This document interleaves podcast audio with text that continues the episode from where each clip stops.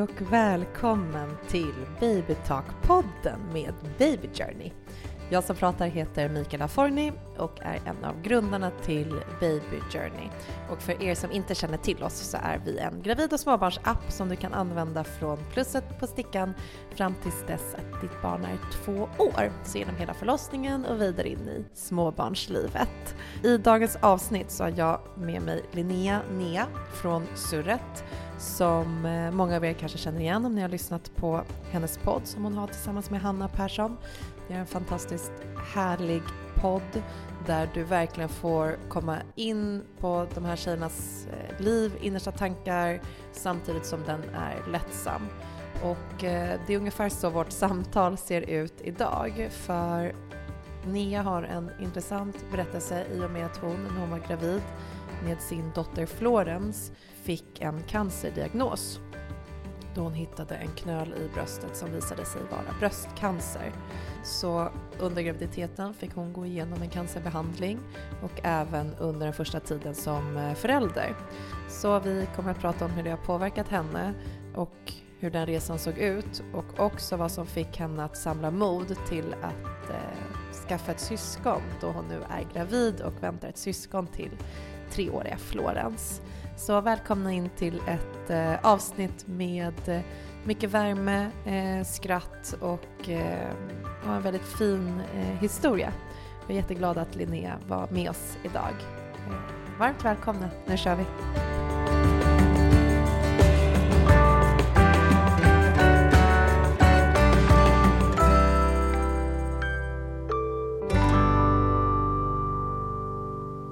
Okej, vi kör igång. Nea från Surret! Ja, hej! är det så folk brukar presentera dig? Så Ja. Det här är Nea från Surret! Ja, det är det. Det är så mysigt tycker jag, för Nea är ju mitt smeknamn eh, som alltså min mamma och pappa eh, liksom kallar mig för och så Hanna, eller mina så nära vänner. Men nu säger ju alla Nea, du vet i jobbsammanhang också. Då, alltså jag, det blir så hemmakärt, alltså du vet mysigt på en gång. Men det är kul att du säger det. Du ligger ett steg före mig för att eh, nästa fråga i den här podden är Kallar man dig Nea eller är det liksom eh, bara dina närmsta eller ditt stage name? Eller? Det, är ju min, det började ju med mina närmsta, men nu, nu är det väl då mitt stage name också. Jag älskar det, att det också får vara ditt stage name. Jag vill också ha ett. Ehm, du driver ju då podden eh, Surret med eh, Hanna. Eh, berätta lite om er podd. Den har ju blivit jättestor och det går ju jättebra för den. Ja. Jo, precis, jo, exakt. Den har, vi ju poddat ungefär ett år och jag skulle säga att det är... Hanna hade frågat mig väldigt många gånger Väldigt många gånger. om jag skulle vilja ha podd med henne och jag sa aldrig i livet. Men sen så ringde Amanda Schulman. Det är när Amanda ringer, då vågar man inte Då säga kan man nej. inte säga nej. Då ringde hon och frågade, jag då sa på Facetime och sa du och Hanna ska starta podd och så sa jag ah! Jag hade inte Då heller ingen vågat ska, säga nej, nej. man säger inte nej då. Men Amanda är ändå så pass duktig också på poddformatet så Ja. man litar lite på att om hon tycker att det är en god idé att du ska vara en del av en podd, då borde det finnas någonting i det. Ja precis, jag, jag litade ju inte på Hannas smak, men jag Nej. litade ju på Amandas. Ja, det tycker jag ändå är fullt rimligt. Även om Hanna också i allra högsta grad jobbar med innehåll. Ja, men det är ju så lätt. Jag, alltså jag kände så här, nej nu kommer det bli en sån här, alla kom, nära kompisar tror väl att de kan starta en podd. Alltså du vet, jag fick, Det behöver inte bli bra bara Nej. för att man är nära vänner. nej. Men det blev ju bra. Jag är faktiskt väldigt stolt över podden. Och uh, liksom communityt som har byggts runt det. Det är det roligaste jag har gjort tror jag. Det förstår jag. Trodde du att den skulle växa på det här sättet när Nej. du startade den? Abs- Jag vet inte vad jag tänkte Mikaela. Alltså, jag vet inte. Alltså, ibland kan jag tänka, vad sa jag ja till? Ja. Alltså, att jag var, det, det var, att, det, att jag vågade kan jag tycka ibland. Så här, för att jag hade ju inte gjort någonting liknande innan. Men, alltså det, nej. Ja, men det, sen har det gått bra från att vi började typ. Vi har haft så mycket lyssnare sedan start. Jag tror att det ligger i att ni eh, dels har viktiga historier att berätta som folk är intresserade av. Och du har ju det och det ska vi prata mer om i det här avsnittet. Eh, och sen så såklart att Hanna har men en etablerad följarskara sedan innan och Ja. många som är nyfikna. Hon har väl varit influencer typ lika länge som jag har. Ja. Det är liksom dinosaurielänge. Ja, och jag tycker ju, alltså som är, jag menar Hanna är min bästa vän och jag tycker verkligen att hon får komma fram ännu mer i podden än vad hon kan göra på Instagram eller i en blogg. Alltså det blir ju ytterligare, jag tycker att hon är som bäst i, i podden. Jag håller med. Jag Ja. tycker generellt att människor, att man får se väldigt fina sidor hos Ah. de kvinnorna jag lyssnar på. Jag Ah. känner att ja, men jag liksom mjuknar inför dem för att Ja. jag får se hela deras person. Jag vet. Och också att nej, allting de säger är inte rätt. Allt är inte PK. Allt är inte exakt det jag hade känt, tyckt eller gjort.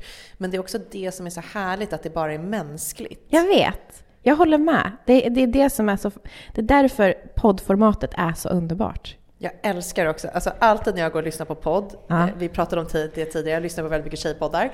Eh, och så går jag och lyssnar på dem på gatan, mellan möten, eller när jag ska till föris eller vad det nu är. Det känns liksom som att jag är med. Jag vill så pausa podden, typ höra av mig till er och bara Ja. så, alltså jag tyckte också så, så här, jag blev också skitirriterad på det. Typ om du har pratat om så Bachelor, typ. Jag bara, jag har faktiskt jättemycket att säga om Bachelor. Ja. Så. Exakt så, ja ja ja, hundra procent.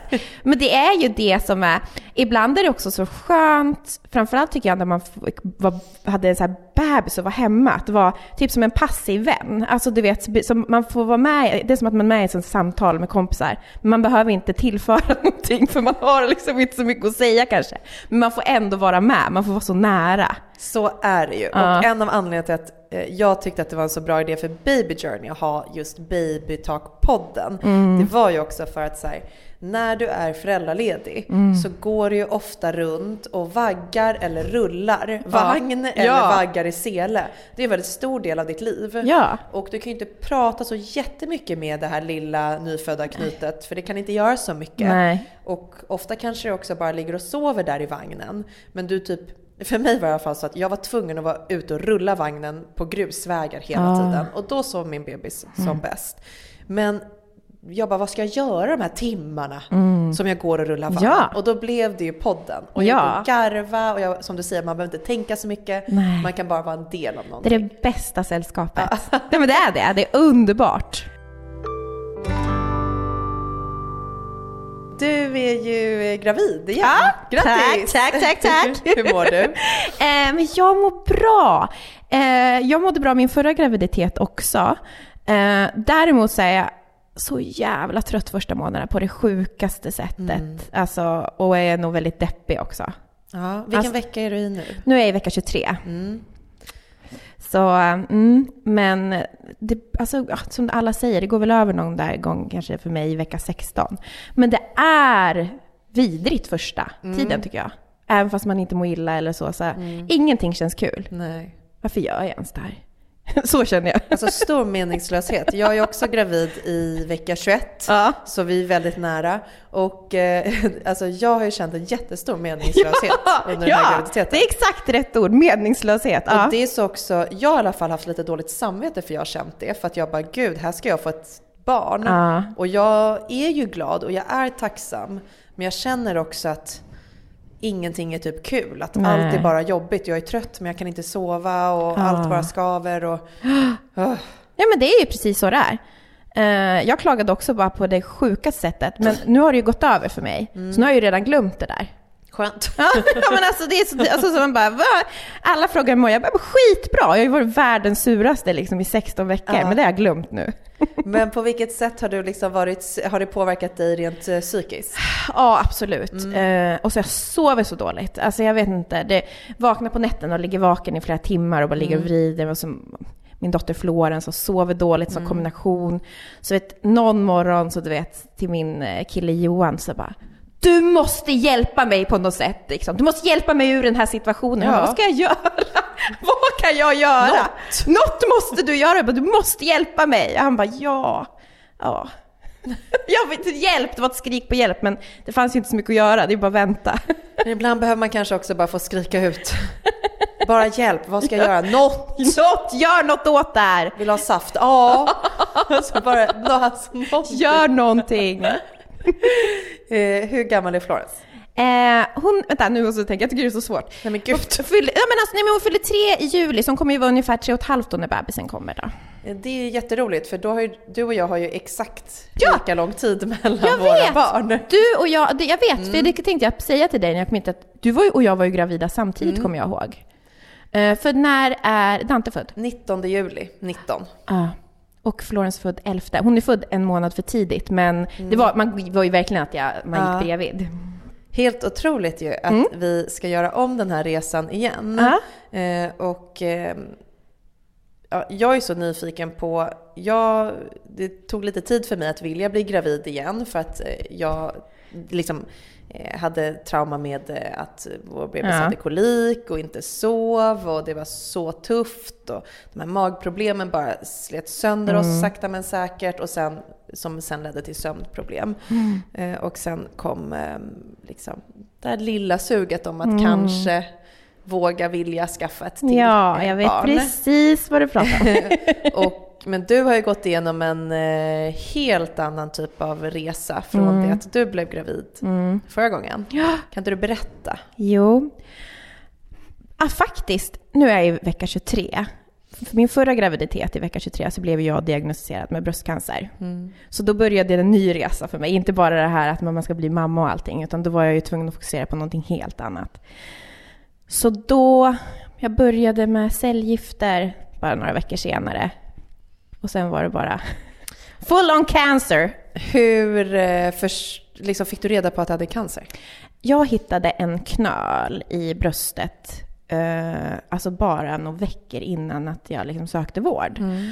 Och jag har alltid varit ganska duktig att kolla igenom brösten. Alltså, mer, alltså inte så att jag bara åh nu är det klämdag, men du vet i duschen, du vet tvålar in så känner man, alltså jag har känt mina bröst väldigt bra.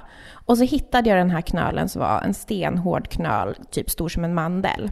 Och så kände jag på en gång att så här, du vet magkänslan att det här är inte bra. Nej. Och så sökte jag vård på det som, jag bodde ju i Kanada då. Och man går ju precis som där till typ vårdcentralen, till en allmänläkare liksom. Och då sa de att ja, men det där har ju med graviditeten att göra. Men vi kommer skicka en remiss ändå, men den kommer vara non-urgent. Så det, liksom, det kommer kanske dröja några månader innan du blir kallad på, på koll. Vad trodde de att det var om de sa att det hade med graviditeten? Typ en lymfkörtel Alltså, som en, var ja, de, svullen? tro, ja, nej, de trodde det var en bröstkörtel, att Ja. man kan få knöliga Ja. bröst typ. Men nu när jag vet mer om så här, bröstcancer och så här, det är ingen som kan känna på en knöl och veta. Om den är farlig eller Nej, inte? den Nej. ska alltid utredas. Ja. Så är det. Och jag tror att just när det handlar om allmänläkare eller vad det nu är, alltså de sitter ju inte på den, alltså bara för, bara för man är läkare så sitter man ju Mm. inte på sån kon- kunskap. Och då blir det oftast att de säger det till en för man är ung, för man ska ju inte få bröstcancer när man är så ung som jag. Men det får man också, det är bara mer sällan. Och då var det faktiskt min kille som tyckte bara, varför, du är gravid, varför ska du oroa dig för den här knölen? Så då ringde han till bröstcentret där de hade skickat remissen. Och där var de så här, men gud, självklart, hon får komma in, hon får komma in på måndag. Och ja, sen då, då var det liksom, när jag kom dit och de kollade så märkte jag på en gång att så här, shit, det här är inte bra. De, jag såg liksom på dem att de ville att jag skulle stanna kvar, jag skulle göra biopsi, de ville att jag skulle komma tillbaka en vecka senare. Och det var ju då jag fick mitt cancerbesked. Vilken bra kille du har. Ja. Alltså som ligger på, för det Ja. är jättelätt hänt att Men jag är så på, alltså jag är inte den typen, jag har aldrig ens gått till doktorn, alltså vet jag lite, jag bara ja, ja, ja, och så var jag ju orolig. Han såg ju på mig att det där åt upp mig lite, för att som sagt min magkänsla var ju så dålig. Så då var han så här, nej. Så det var ju, ja, det är tacksam. Kanske också att det handlar om att man, kanske typiskt kvinnligt, jag vet inte, eller typiskt svenskt, jag vet inte. Mm. Men det här med att man inte vill eh, vara, vara jobbig på något Ja. sätt. Att men inte ska väl jag här komma och säger Men- de att det var, inte var något så var det väl inget. Ja, inte ska jag komma så. och kräva någonting eller eh, vill jag ha något eller ta upp Ja. plats i onödan. Att man är lite så eh, försiktig av sig. Precis. Fastän kanske ens magkänsla känner något Ja, annat. och man ska ju lita på den där magkänslan. Alltså man ska det. Eh, så ja, då drog det, då fick jag en cancerdiagnos. Eh, och det tog ju, alltså det tog ju över. Det, det, det var ju liksom, grav, graviditeten blev väldigt sekundär om jag ska vara ärlig. Jag, jag brukar säga det, men alla var bara så här, jag förstår att allt du tänker på är din bebis. För jag var så här, Nej, Nej. jag vill bara inte dö. Ja. Alltså det var det enda. Jag kunde inte tänka. Och du vet när man inte ens har ett barn. Jag visste inte vad som väntade mig. Det var ju, bara, bara det är ju en sån resa i sig, liksom det här... eh, att så här, jag, det var ju inte att jag var så här jättekänslosam bara för att jag var gravid och bara tänkte på min bebis hela tiden. Jag hade svårt att greppa att det skulle komma ett barn. Och det gjorde ju inte bättre att jag fick ett jättedåligt sjukdomsbesked för att jag skulle liksom kunna greppa det. Men det här tycker jag är jättemodigt att du tar upp. Och eh, på tal om Fredagspodden som du och jag pratade om tidigare och Amanda Schulman. Så sa hon i en av eh, deras senaste poddavsnitt. Så sa hon att skillnaden mellan henne och Ama- eh, Hanna eh, var att när de har legat på deras förlossningar och det har hänt någonting akut eh, som har inneburit någon typ av risk under förlossningen. Så har Hanna alltid eh, tänkt, känt och sagt att Barnet, vad händer med barnet? Hur mår barnet? Och Amanda har alltid sagt, vad händer med mig? Jag är Ja. rädd, ta hand om mig. Ja, ja, ja. Eh, och att hon bara, gud jag är så egoistisk. Och så sa Hanna, fast det är inte alls konstigt att du bryr dig om dig själv. Nej. Och framförallt också, som du säger, det är inte alla som utvecklar en relation till ett barn bara för att det växer i magen. Vissa känner ju direkt så här, jag är mamma nu. Ja. Och andra gör inte det. Och det är ju så många som tror jag känner skuld inför det där, att de tror att, att något är fel bara för att så här, jag känner ingenting för det här barnet. Varför känner jag inte mer? Eller, Jag tror det är mer det. Varför känner jag inte mer för det här som växer i min mage? Men det är ju något helt nytt. Det är en helt ny relation som du aldrig upplevt tidigare. Jag, alltså, jag, jag, jag, ty, jag tycker det är så hemskt att man ska vara orolig för vad man känner också hela tiden. Ja. Alltså jag känner On för top of everything ja, else. Ja, precis. Att man är orolig och kroppen och alla andra känslor så ska man också säga nej, jag känner nog inte tillräckligt. Ja, nej, jag anknyter inte med barnet i magen. Alltså, det är så många sådana tankar som tror jag snurrar hos många. Men kunde du känna det när du gick igenom din cancerbehandling? Att när du fick sådana frågor att du samtidigt då satt och hade dåligt samvete så här, men gud, borde jag bry mig mer om barnet? Vet du? Nej. Nej. Däremot så spelade jag ju och Ja. var du vet jag förstår att allt du tänker på är barnet. Jag bara, ah, ah, ah, absolut. Men det som jag däremot kan säga var att min graviditet gav mig så otroligt mycket så styrka också. För jag, skulle, jag visste att det var en sån viktig roll som väntade mig. Vilket jag tror i sig gav mig jättemycket energi och pepp. Liksom. Så jag tror det var själva så här, jag visste vad som så här, till exempel att tappa håret, att man tappar liksom allt det som fysiska, hade jag liksom lättare att skita i, för jag visste att jag skulle bli någons mamma. Och det är det finaste man kan vara, oavsett du vet hur man ser ut eller så. Så där fick jag så, kände jag mig så otroligt stark. Så att raka av sig håret, det var, det var liksom ingen biggie. Och det tror jag var väldigt mycket tack vare så här Florens. Jag vet inte hur jag hade känt om jag bara hade inte hade haft den här kommande liksom moderskapet på väg. Nej. Så? Nej. Vad var det för påfrestning för kroppen? Alltså det är ju en påfrestning för kroppen att vara gravid. Mm. Men att samtidigt gå igenom en cancerbehandling, det är ju Ja. också en jättestor på... Alltså det är Ja. två, vad jag kan tänka mig, de största Mm. påfrestningarna en kropp kan ta sig igenom. Och du gjorde båda samtidigt. Mm. Hur liksom kändes det? Reflekterade du? Hur, Ja. ja. Jag tror också där att jag är också så jag är en väldigt alltså, positiv person och jag lyckades vän, alltså efter de här första hemska veckorna efter jag hade fått min diagnos, man hade sett att jag förmodligen inte cancern spridd, den, är, den finns bara i bröstet och sådana saker som var väldigt viktiga. Liksom. Eh, så lyckades jag ändå bli, tror jag, så här, få någon så här kämparglöd. Och då hade jag ju också att Florens skulle födas var ju också en sån milstolpe i min behandling. Så att, och då i Kanada så gick jag ju också på så här specialistmödravård som var inriktad på eh, kvinnor med svåra komplikationer under graviditeten. Och då berättade min läkare, Dr. Maxwell, att hon bara, det är så mystiskt. För hon hade jobbat med så svåra cancersjuka, liksom, gravida mammor. Hon bara, de klarar det typ bättre. Det finns någonting i det här att bli mamma som typ gör att man blir lite starkare, lite mer... Alltså hon bara, de bor liksom min, mindre illa. Det bara, alltså hon bara, jag, och det finns inget svar på det. Hon bara, jag märker ju att överlag så mår gravida cancersjuka bättre. Bättre. Det är otroligt. Ja, jag vet, det är så otroligt. Det finns liksom en mag, alltså det är någon styrka då som man har där ändå. Det är att hela den, det kvinnliga väsenet på Ja. något sätt bara såhär, nu ska jag ta hand om den här sjukdomen Ja. så att jag sen kan ta hand om mitt barn och därför Exakt. kan jag inte gå runt och ha ett gravid illamående. Nej. Så att det får försvinna. Ja, nu får det vara bara ja, ja, ja. Men alltså typ, hon bara, jag har inga svar på det. För att jag kommer ihåg när man var där och bara, hur, hur mår du? Mår du illa under behandlingen? Jag bara, nej. Hon bara, nej det är så konstigt. Det är vad de flesta säger liksom. Wow. Ja. Så att någonting, det finns ju någonting magiskt också tror jag. Hur långt hade du kommit i din cancerbehandling när det var dags för förlossning? Då hade jag gått igenom tre doser cytostatika. Så då fick vi ta en liten paus och så hade jag ett planerat kejsarsnitt. Så då fick jag ta en paus på typ så tre veckor för att man är ju helt nedbruten i kroppen. Man har ju inget liksom eh, self, alltså immunförsvar eller någonting. Så att kroppen var ju tvungen att bygga upp sig lite för att här, klara en operation. Och, och sen så ja, fick jag Florens och sen var jag tillbaka på sjukhuset för min fjärde behandling veckan efter hon var född. Herregud. Men då var jag blev behandlad som en hjälte alltså. Ja, Då jublar de. det är minst sagt.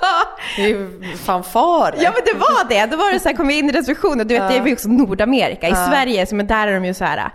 She's a superwoman, du vet så här, då var det hon som jobbade i receptionen. Jag hade ju träffat henne så mycket bara. Everybody, this woman gave birth one week ago and now she's back for her like fourth round of du vet, chemotherapy och du vet alla bara wow applåderade och jag bara ah! Men gud. Du vet, alla, så borde alla mammor få kan jag säga. Det behöver man. Alltså det behöver man verkligen oavsett. Alla mammor. Ja, jag menar det. Alla mammor. Man måste tro, alltså för man känner sig ju som en sån jäkla hjälte tror jag oavsett hur, vad det är man har gått igenom. För alla har ju sitt. Alltså alla Precis. har sitt. Så att, eh, ja, så att jag blev ju, hade ju så otroligt fin vård. Hur var det då att komma tillbaka för fjärde rundan en vecka efter? Var det liksom, jag tänker inte, jag kör bara, eller vad gick, behövde du gå igenom rent psykiskt? Jag tror att jag inte tänkte så mycket utan jag bara körde. Men jag kan ju i efterhand säga så att jag var ju, det var ju väl, när man får en så här liten bebis så tror jag att det som är nyckeln är ju att ändå försöka vara lite i stunden och bara ha den där. Men jag var ju alltid på väg någonstans. Det var in på sjukhus för att ta ett blodprov eller så var det några andra kontroller eller så var jag borta flera timmar för att jag skulle få cellgifter.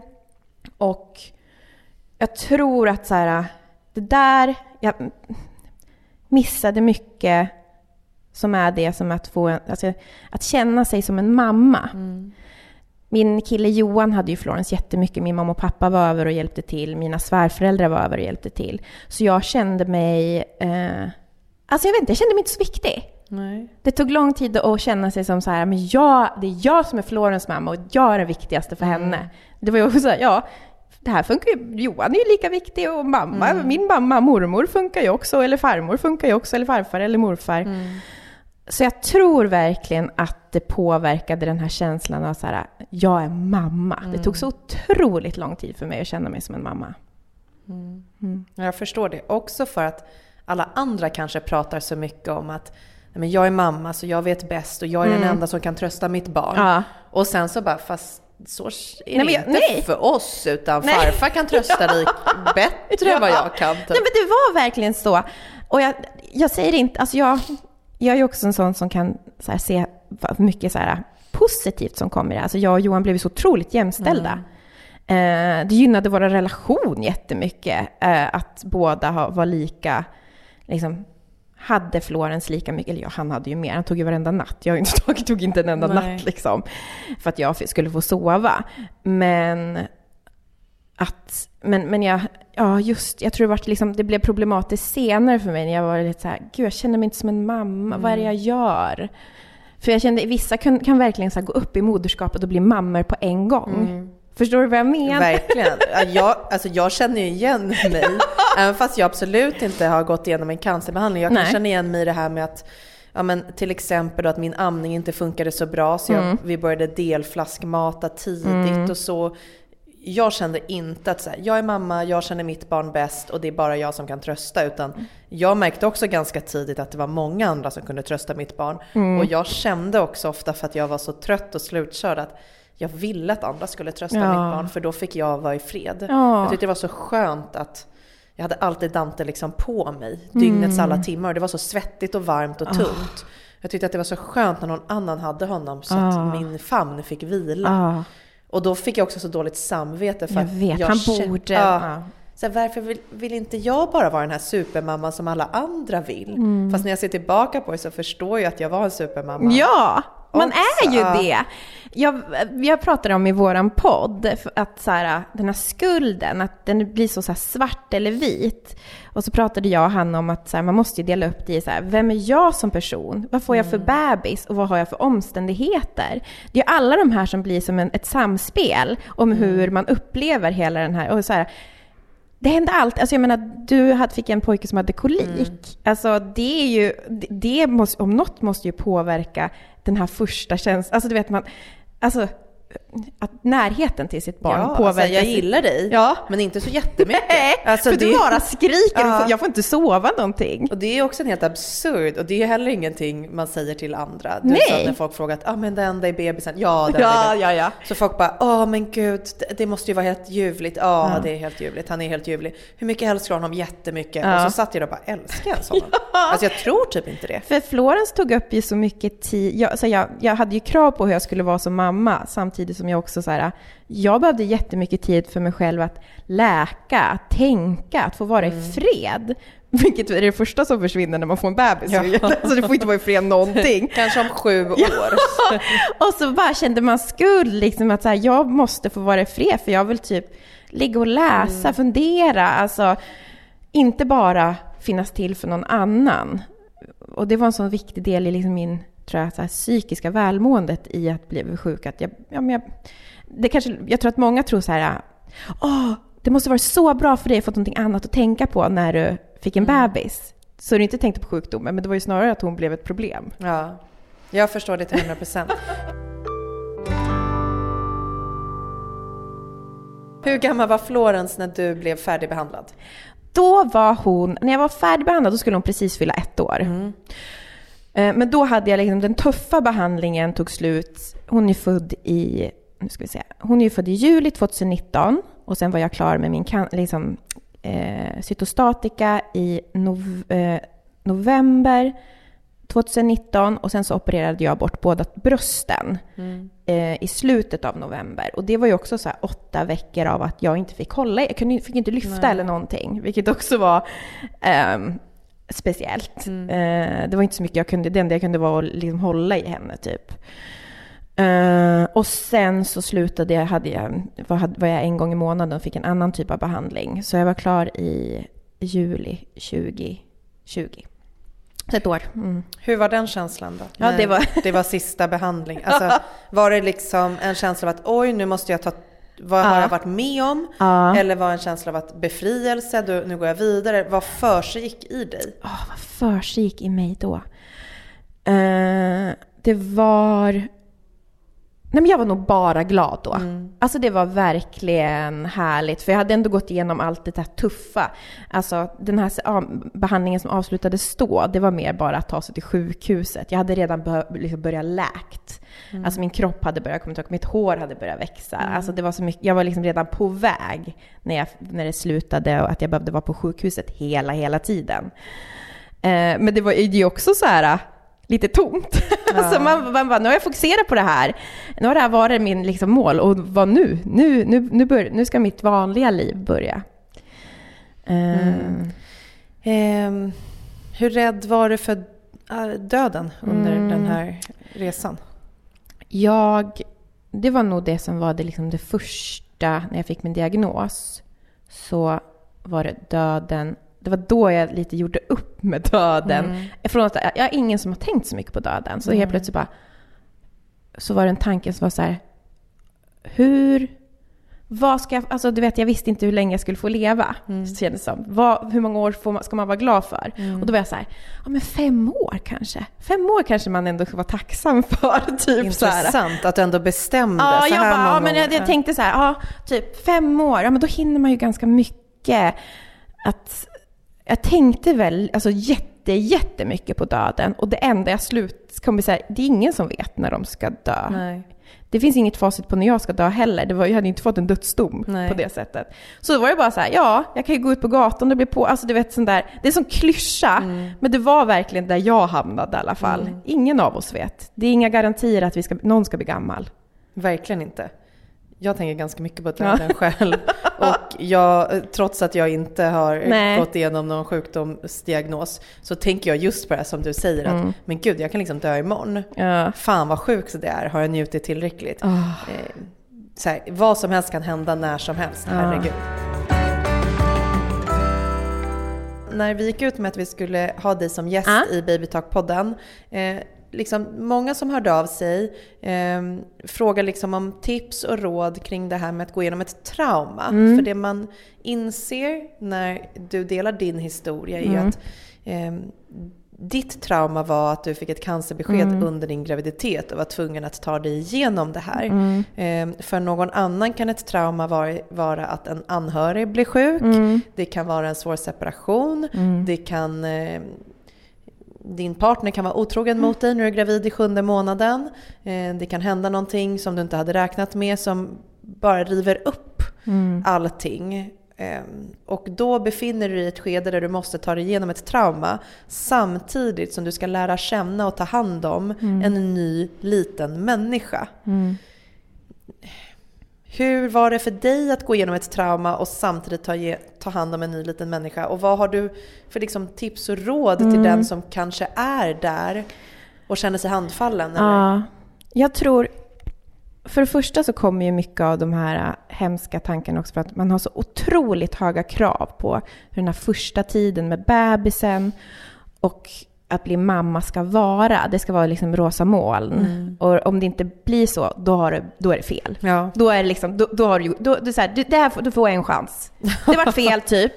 Och jag tror att många också blir jätte... Jag tycker att så här, den här, det, eller så här, pratet om anknytning och det också är väldigt så här, någonting som mammor är så rädda för. Mm. Så här, att, om jag inte knyter an till min bebis, vad gör jag? Mm. Men att jag tror att det bästa man kan göra är att vara så snäll med sig själv och så här, vad som helst kan hända. Alltså så här, mm. jag blev sjuk, man får, man får ett barn som är sjukt eller mm. du förlorar en förälder när du ska, själv ska bli förälder. Mm. Att man måste vara så snäll med sig själv och inse att så här, det är ingenting som är fel. Det här är livet och att det kommer nya chanser. För det mm. kan jag säga att har jag fått med min dotter. Att så som nu att ha en treåring, det är liksom det mest underbara mm. i hela världen. Alltså det är verkligen det. Och då, du vet, det gör inte ett skit att, att jag missade att hennes bebistid, att inte jag njöt av den. För jag njuter av den här treåringen. Och jag tror att man får nya chanser i sitt moderskap. Och det, istället för att tänka så här, fan vad fel det blev, så är det så här, mm. det där är livet. För jag tror att just Oh, jag tror det är de här förväntningarna och vad vi tror att det ska vara som är det värsta. För mm. livet pågår även fast man får ett barn.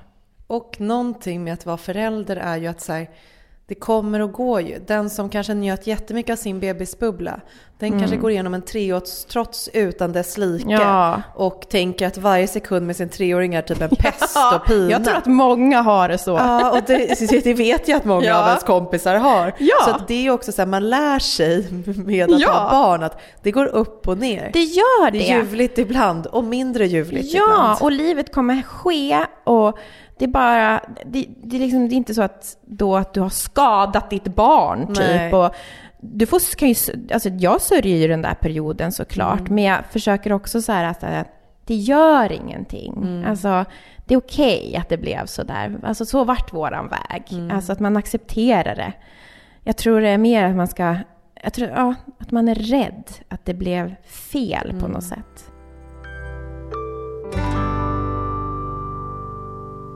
När vågade du börja drömma om ett syskon? Alltså hade du frågat mig för typ ett år sedan, Mm. den här tiden, då hade jag sagt jag kommer aldrig skaffa någon syskon. Ja, det alltså. var så. Ja.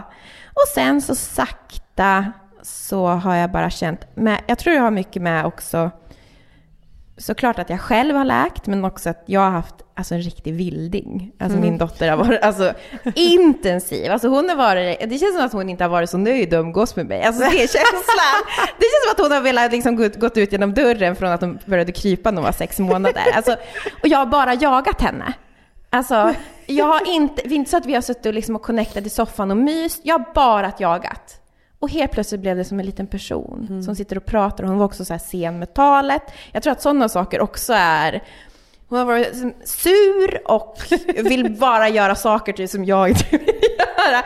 Och nu har vi det så otroligt mysigt och roligt. Och det blev en mer en liten person. Mm. Vilket gjorde att jag kände mig redo så här. Men gud, för jag vill ju också... För jag känner ju... Jag tror att jag kände ju knappt att jag var en bra mamma till Florens. Alltså att jag knappt räckte till. Och jag bara, hur ska jag kunna lägga till en till barn i det här? Ja. Men helt plötsligt tänkte jag så här, gud vad, vad, vad roligt om vi får ett till barn och Florens kan vara med, delaktig. Det är inte två bebisar utan nu har jag en treåring här. De förstår ju väldigt mycket. De är ju högst medvetna om att det kommer en bebis. Ah. Det kanske inte en eh, ett och ett halvt, tvååring är när det kommer en Inte, bebis. inte Florens i alla fall. Hon hade inte förstått. Dante hade inte förstått det heller. Men nu är det ju liksom varje dag frågar Dante Ah. vilken frukt hans bebis är. Åh! Och då går vi in i baby journey och så vill han se vilken frukt det är. Det är så Liksom. kul. Ja, och Florens pratar med magen, Mm. pussar den, ritar teckningar till sin lilla syster. Alltså det är så, det är så mysigt att kunna göra henne delaktig Mm. också. För, det, för mig är det också, minskar den här oron. Jag ser att det är våran bebis Mm. som kommer.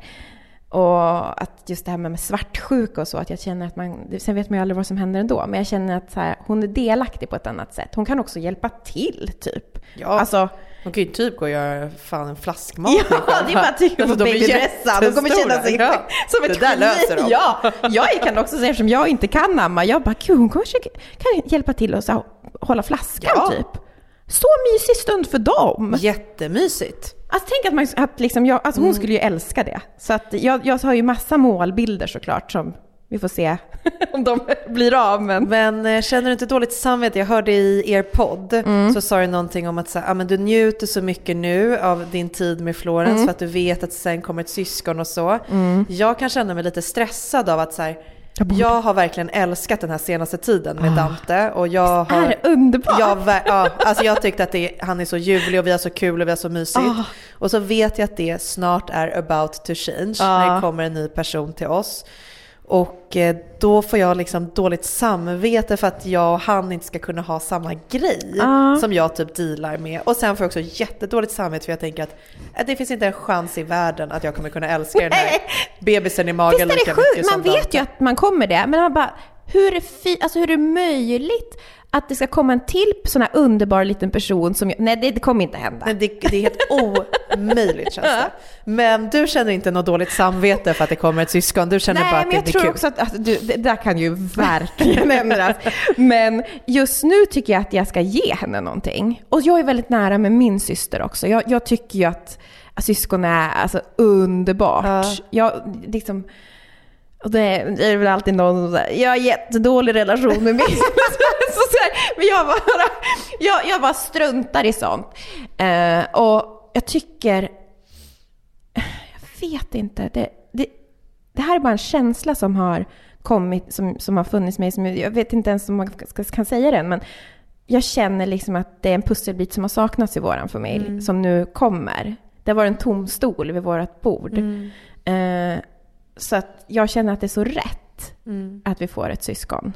Ehm, och sen så tror jag det kommer vara utmanande, men jag är inte så orolig för svartsjuka och sådär. Jag vet Nej. inte varför, men Jag tror att det kan handla om tidsskillnaden. ja. Eh, många pratar ju om fördelar och nackdelar med eh, tids, Ja. liksom, åldersskillnad Ja. mellan barn. Eh, och det, båda har ju sina för och nackdelar. Vi har faktiskt ett podcastavsnitt i den här podden som handlar om att få syskon. Där jag intervjuar en barnpsykolog. Jag liksom verkligen ställer henne mot Säger väggen. hon vilken den optimala åldern är Nej, då? det säger hon inte för det finns inte. Och det är också det som är så himla skönt, att jag verkligen pressar henne.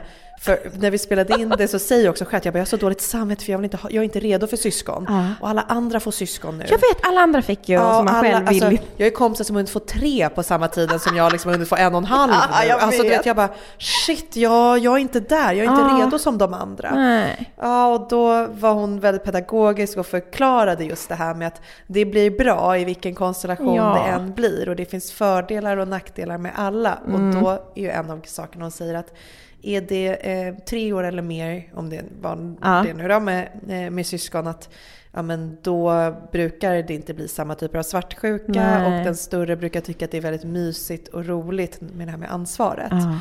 För det är det jag tänker också, att Florence kommer ju bli the queen of the family. Alltså den här Ja. lilla bebisen kommer ju inte ha någon, den kommer ju bara liksom, det kommer ju, alltså Hon får showa Ja. och göra grejer och den här kommer bara wow, Ja, de kommer storasyrra, tycka du är wow. king! Oh, liksom. Det kommer ju vara, alltså jag ser liksom inte vad det är som skulle kunna riktigt ske och jag tror också så här det kan ju vara väldigt stressigt tror jag om man ammar till exempel. Mm. För då räcker man ju kanske inte alltid till för man är ganska fast.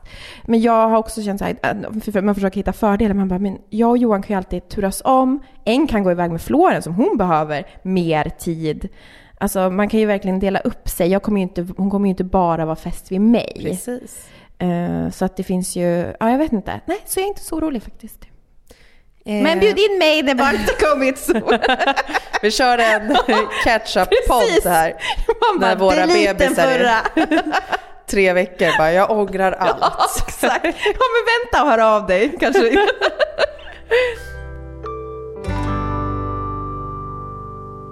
Vad vill du ge för råd till den som är nybliven förälder som går igenom någonting tufft just nu? Mm. Ja. Det är ju, alltså det är så, det känns som att man alltid pratar i klyschor när man pratar om sådana här saker. Men det är verkligen att man ska vara snäll och att allting går över. Alltså allt går över.